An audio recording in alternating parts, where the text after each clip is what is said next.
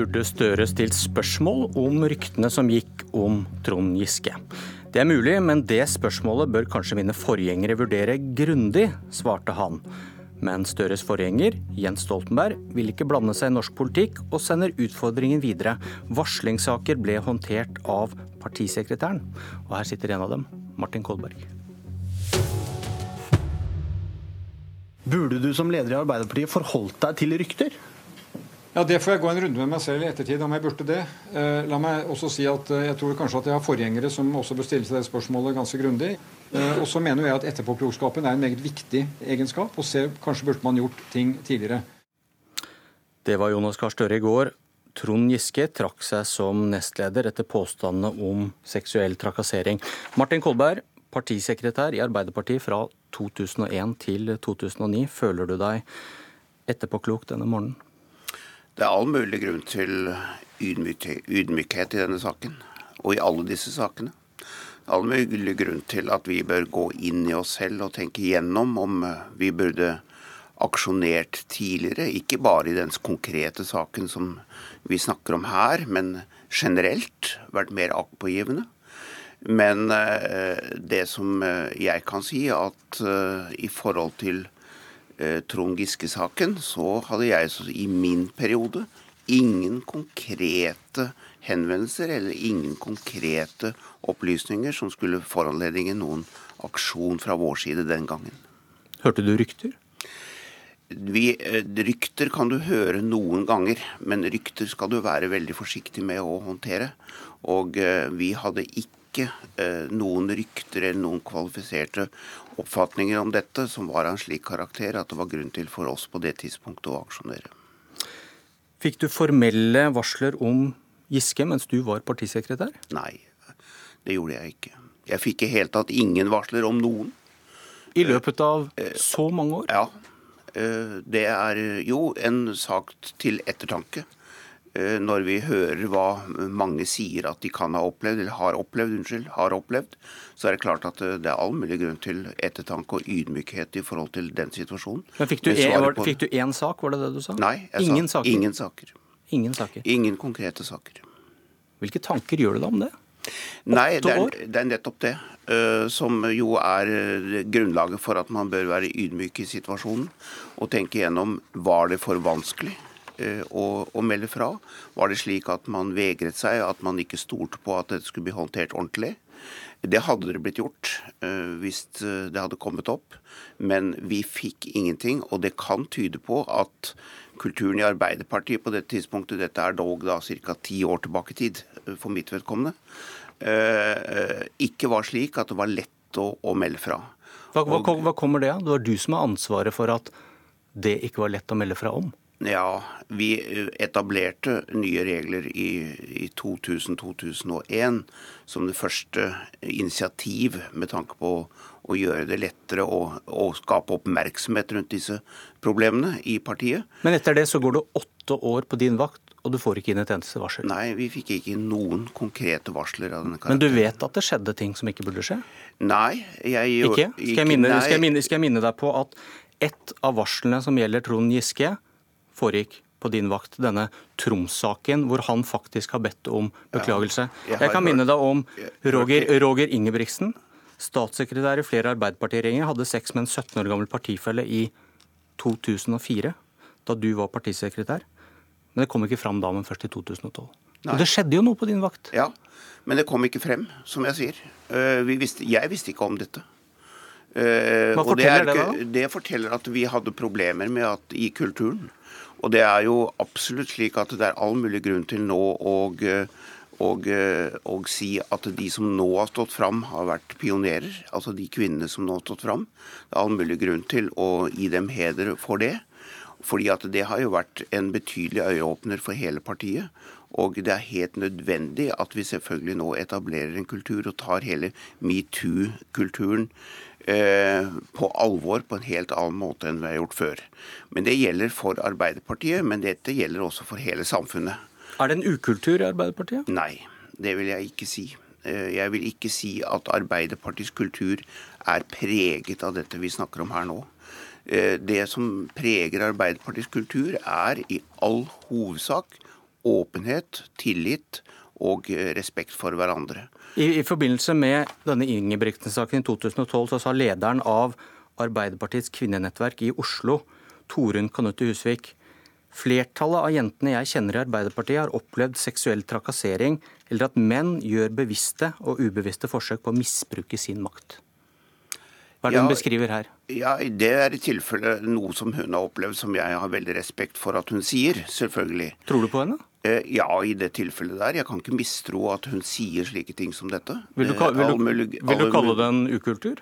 Ja, hvis det er riktig som hun sier på alle de punktene hun har opplevd. Men å gi dette som en generell karakteristikk av Arbeiderpartiets kultur, det vil jeg avvise. Støre sa her i Politisk kvarter nylig jeg opplever at det har vært en kultur i deler av partiet hvor omgangsformen i sosiale sammenhenger ikke har vært bra. Vi har retningslinjer som sier at det ikke skal være slik, men det har skjedd. Det må vi ta tak i. Han sier vel her at det er en ukultur i Arbeiderpartiet? Det kan være det i noen tilfeller. Jeg prøver nå å nyansere dette, uh, Bjørn, mellom det som vi handler om konkrete tilfeller, som jeg ikke har noen grunn til å mistro, som jeg ikke protesterer på, og som sikkert har skjedd, og hvor jeg respekterer det som er blitt sagt. Men jeg sier at det å si at Arbeiderpartiets kultur i sin alminnelighet er preget av dette i alt vårt politiske hverdagslige arbeid, det er det jeg mener ikke er sant. Tror du noen kan se på det du nå sier som et fordekt angrep på Trond Giske. Det er ikke noe med kulturen. Han har ingenting å gjemme seg bak. Dette er enkelte eksempler, som du sier. Nei, jeg vil ikke si at det er noe angrep på Trond Giske spesielt. Det er han som har ansvaret, han er ikke del av en kultur, Jeg mener at den enkelte som oppfører seg på en slik måte, om det nå gjelder Trond Giske eller om det skulle gjelde andre, det må de selv ta ansvaret for. Og det er klart at vi skal ta helt og fullt ansvar for dette som parti. Vi må ta ansvar for at vi ikke har uh, fulgt det ikke tilstrekkelig opp tidligere. Det er riktig å si også, og det er nødvendig å være ydmyk på dette punktet. Men det er ikke slik at eh, den alminnelige kulturen i Arbeiderpartiet er preget av dette, slik som det fremstår. Hvis det stemmer, da er det vel heller ikke vits å gjøre noe nå. Dette lønnseth-utvalget er helt unødvendig. Det nei, finnes ingen ny kultur. Nei, absolutt ikke. Det finnes, jeg sier ikke Altså, Jeg syns du vrir litt på dette nå. fordi at Jeg sier ikke at det ikke finnes. Jeg sier at det ikke... Du sier at det ikke er en ukultur? Jeg sier at det ikke preger situasjonen i arbeidet vårt i sin alminnelighet. Det er det jeg sier. Men alt som er av uregelmessigheter knyttet til dette, er all mulig grunn til at vi går inn i på en seriøs måte. Og jeg støtter absolutt alt som sentralstyret og eh, partisekretæren og partilederen har gjort i denne saken.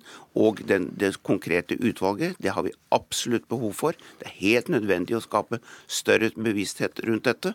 Men den alminnelige arbeidet i partiet, det preges ikke av dette i det daglige. Men det betyr ikke at det ikke foregår tilfeller som det er nødvendig å ta ansvaret for. Det er absolutt nødvendig for oss som for hele samfunnet eh, etablere tung oppmerksomhet rundt den kulturen som takk og pris er kommet opp i dagen etter at metoo-kampanjen ble aktualisert. Jeg kunne nevnt flere eksempler på unge AUF-ere eller tidligere ungdomspolitikere som mener det er en ukultur og har vært det i Arbeiderpartiet. Du mener det ikke er det. For hvis de skulle ha rett, så så du enten en annen vei en stilltiende aksept, eller så visste du ikke om dette. Det pågikk bak partisekretærens rygg, og kanskje de andre som har vært det i din stilling. Ja, det er jo, jeg, jeg bestrider ikke det som blir sagt fra de unge AUF-erne. Jeg bestrider ikke at Men begge deler kan ikke være sant? At det ikke er en ukultur? Jo, det er, det er, snakker sant? Det er, er, en, det er i noen sammenhenger så er det helt åpenbart at det foregår ting som ikke skal foregås. Derfor er det helt nødvendig at Arbeiderpartiet tar tak i dette, som ledelsen har sagt på en god og riktig måte, som sentralstyret har sluttet seg til. Vi skal ha et eget utvalg som skal gå igjennom dette nå. Men at dette preger vårt generelle arbeid i Arbeiderpartiet til daglig, det er det jeg sier at jeg mener ikke er tilfellet. Men det betyr ikke at det ikke kan være ukultur i en rekke sammenhenger. Og det er nødvendig å greie å skille litt mellom dette. Det er det eneste jeg forsøker å si. Takk, Martin Kolberg. Nå kommer det inn to som har hørt på deg, og som skal være litt etterpåkloke. Og de som kommer inn, er Hanne Skartveit, politisk redaktør i VG, og Lars Nehru Sand, vår egen politisk kommentator i NRK. Og Skartveit, det, det finnes det, blir, det, er feil å si at det er en ukultur i Arbeiderpartiet, hører vi Kolberg si. Har han rett? Vi har hørt uh, unge AUF-ere som gjennom denne, de siste ukene har sagt at det er en slik ukultur. Samtidig så tror jeg det er viktig å si at de sakene som har blitt eh, avdekket og varslet om med Trond Giske, som er veldig mange enkeltstående saker, at han kan ikke gjemme seg bak en kultur. Dette er jo som Martin Kolberg sier, også han som må ansvar, stå ansvarlig for sine egne handlinger. Men kan begge deler være riktig, at dette er et isolert enkelttilfelle, Giske-saken, eh, og det finnes en ukultur. Da er det jo ikke noe isolert. Ja, du syns det? Ja, det tror jeg begge deler ja. kan være mulig. Ja. Og jeg tror som Jonas Gahr Støre sa veldig tydelig i går på pressekonferansen også, metoo er et veiskille her, et vannskille. Her er det nå en helt ny situasjon hvor ting er veldig ugreit, som man har sett gjennom fingrene med tidligere. Ting har blitt en ukultur, det som før var greit. Ja.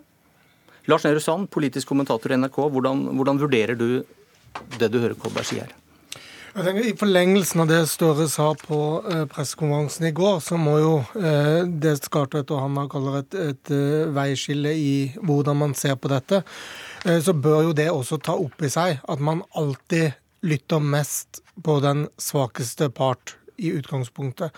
Og den svakeste part i disse tilfellene vil jo være de som sier at det er en ukultur, og at man lar de få definere hvorvidt det er det eh, eller ikke.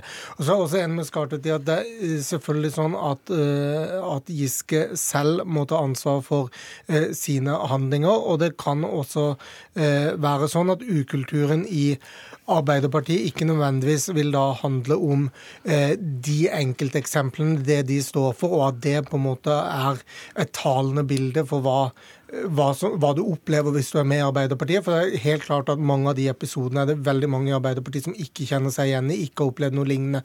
Men at summen av mye av det som er, eh, holdt jeg på å si, har vært eh, måter å drive politikk på i Arbeiderpartiet har vært uh, måter å uh, drive maktkamper på, eller måter å, drive nettverksbygging på, eller uh, alkoholkultur, festkultur, hvordan man har sett på makt mellom unge og gamle osv., som i sum er et å kunne anses som et kulturproblem når man ser på det nå. Det tror jeg nok, og jeg tror også at det ikke er noe som skiller Ap fra andre partier, eller Parti-Norge fra f.eks. bedrifts norge Tillit kan bygges opp igjen, sa Støre i går, men, men, tvilte da på at i Dagsrevyen at Giske kunne komme tilbake til toppen mens han var leder. Eh, hvordan vurderer dere Giskes sjanser for et comeback i sentrale posisjoner i Arbeiderpartiet? Vi ser at i Trøndelag er det mange som allerede nå støtter han sterkt. Eh, Støre var også veldig tydelig på at han kan ikke være den som si, tilgir på vegne av de kvinnene. Dette må være noe som gjøres opp mellom Giske og de kvinnene det gjelder menneskesyn, sa Jonas Gahr Støre. Men er, er, det en forutsetning at, at disse kvinnene tilgir Giske for at han Nei, men han må gjøre opp på seg. for et vis. Støre var veldig klar på at det å skulle gjenfinne tilliten for Giske sitter fryktelig langt inne. Det må en hard jobb til. Men han ville ikke avskrive at det i det hele tatt var mulig. Så at hans menneskesyn er slik at du kan ikke for evig alltid fradømme noen tilliten. Eh, Trondheimsordfører Rite Ottervik fikk også spørsmålet tror du Giske kan komme tilbake i sentrale tillitsverk for Arbeiderpartiet. Hun svarte Vel, vi har en statsråd i dag som, ut ifra det jeg vet, har verre ting på seg enn Trond. Tiden får vise om det kan skje. Og Lars Nehru Sand, hva forteller reaksjonene fra Giskes hjemfylke om fremtiden til denne saken? Både eh, det de sier og det Giske selv skrev på Facebook, at han ville fortsette å arbeide for Arbeiderpartiet i årene som kommer, eh, tyder jo på at eh, han er villig til å gjøre den jobben Støre sier det må være teoretisk mulig å gjøre, nemlig å bygge opp tillit. Så det, det er vel der vi kan se konturene av at, at han vil ta den lange veien. Det er i lys av dette vi må se den kampen om virkeligheten som nå pågår, hvor Giske-leiren prøver å minimalisere det som har skjedd, prøver å bagatellisere det og gjøre det minst mulig. Mens kvinnene jo fortsatt er tause, så vi vet ikke, offentligheten vet ikke hva som ligger i dette. Men han ønsker å gjøre dette minst mulig for å kunne komme tilbake. Kort, eh, Lars, kan man få en slags splittelse av partiet? Hvis man ikke får til en felles historiefortelling om hva som, har, hva som faktisk skjedde, hva som eh, bør skje nå, og, og, hvordan man rydder opp, så kan man eh, risikere det hvis man ikke får en felles eh, oppfattelse av det som Støre også er enig i. Takk for etterpåklokskapen, Hannes Kartveit og Lars Nehru Sand. Jeg heter Bjørn Myklebust.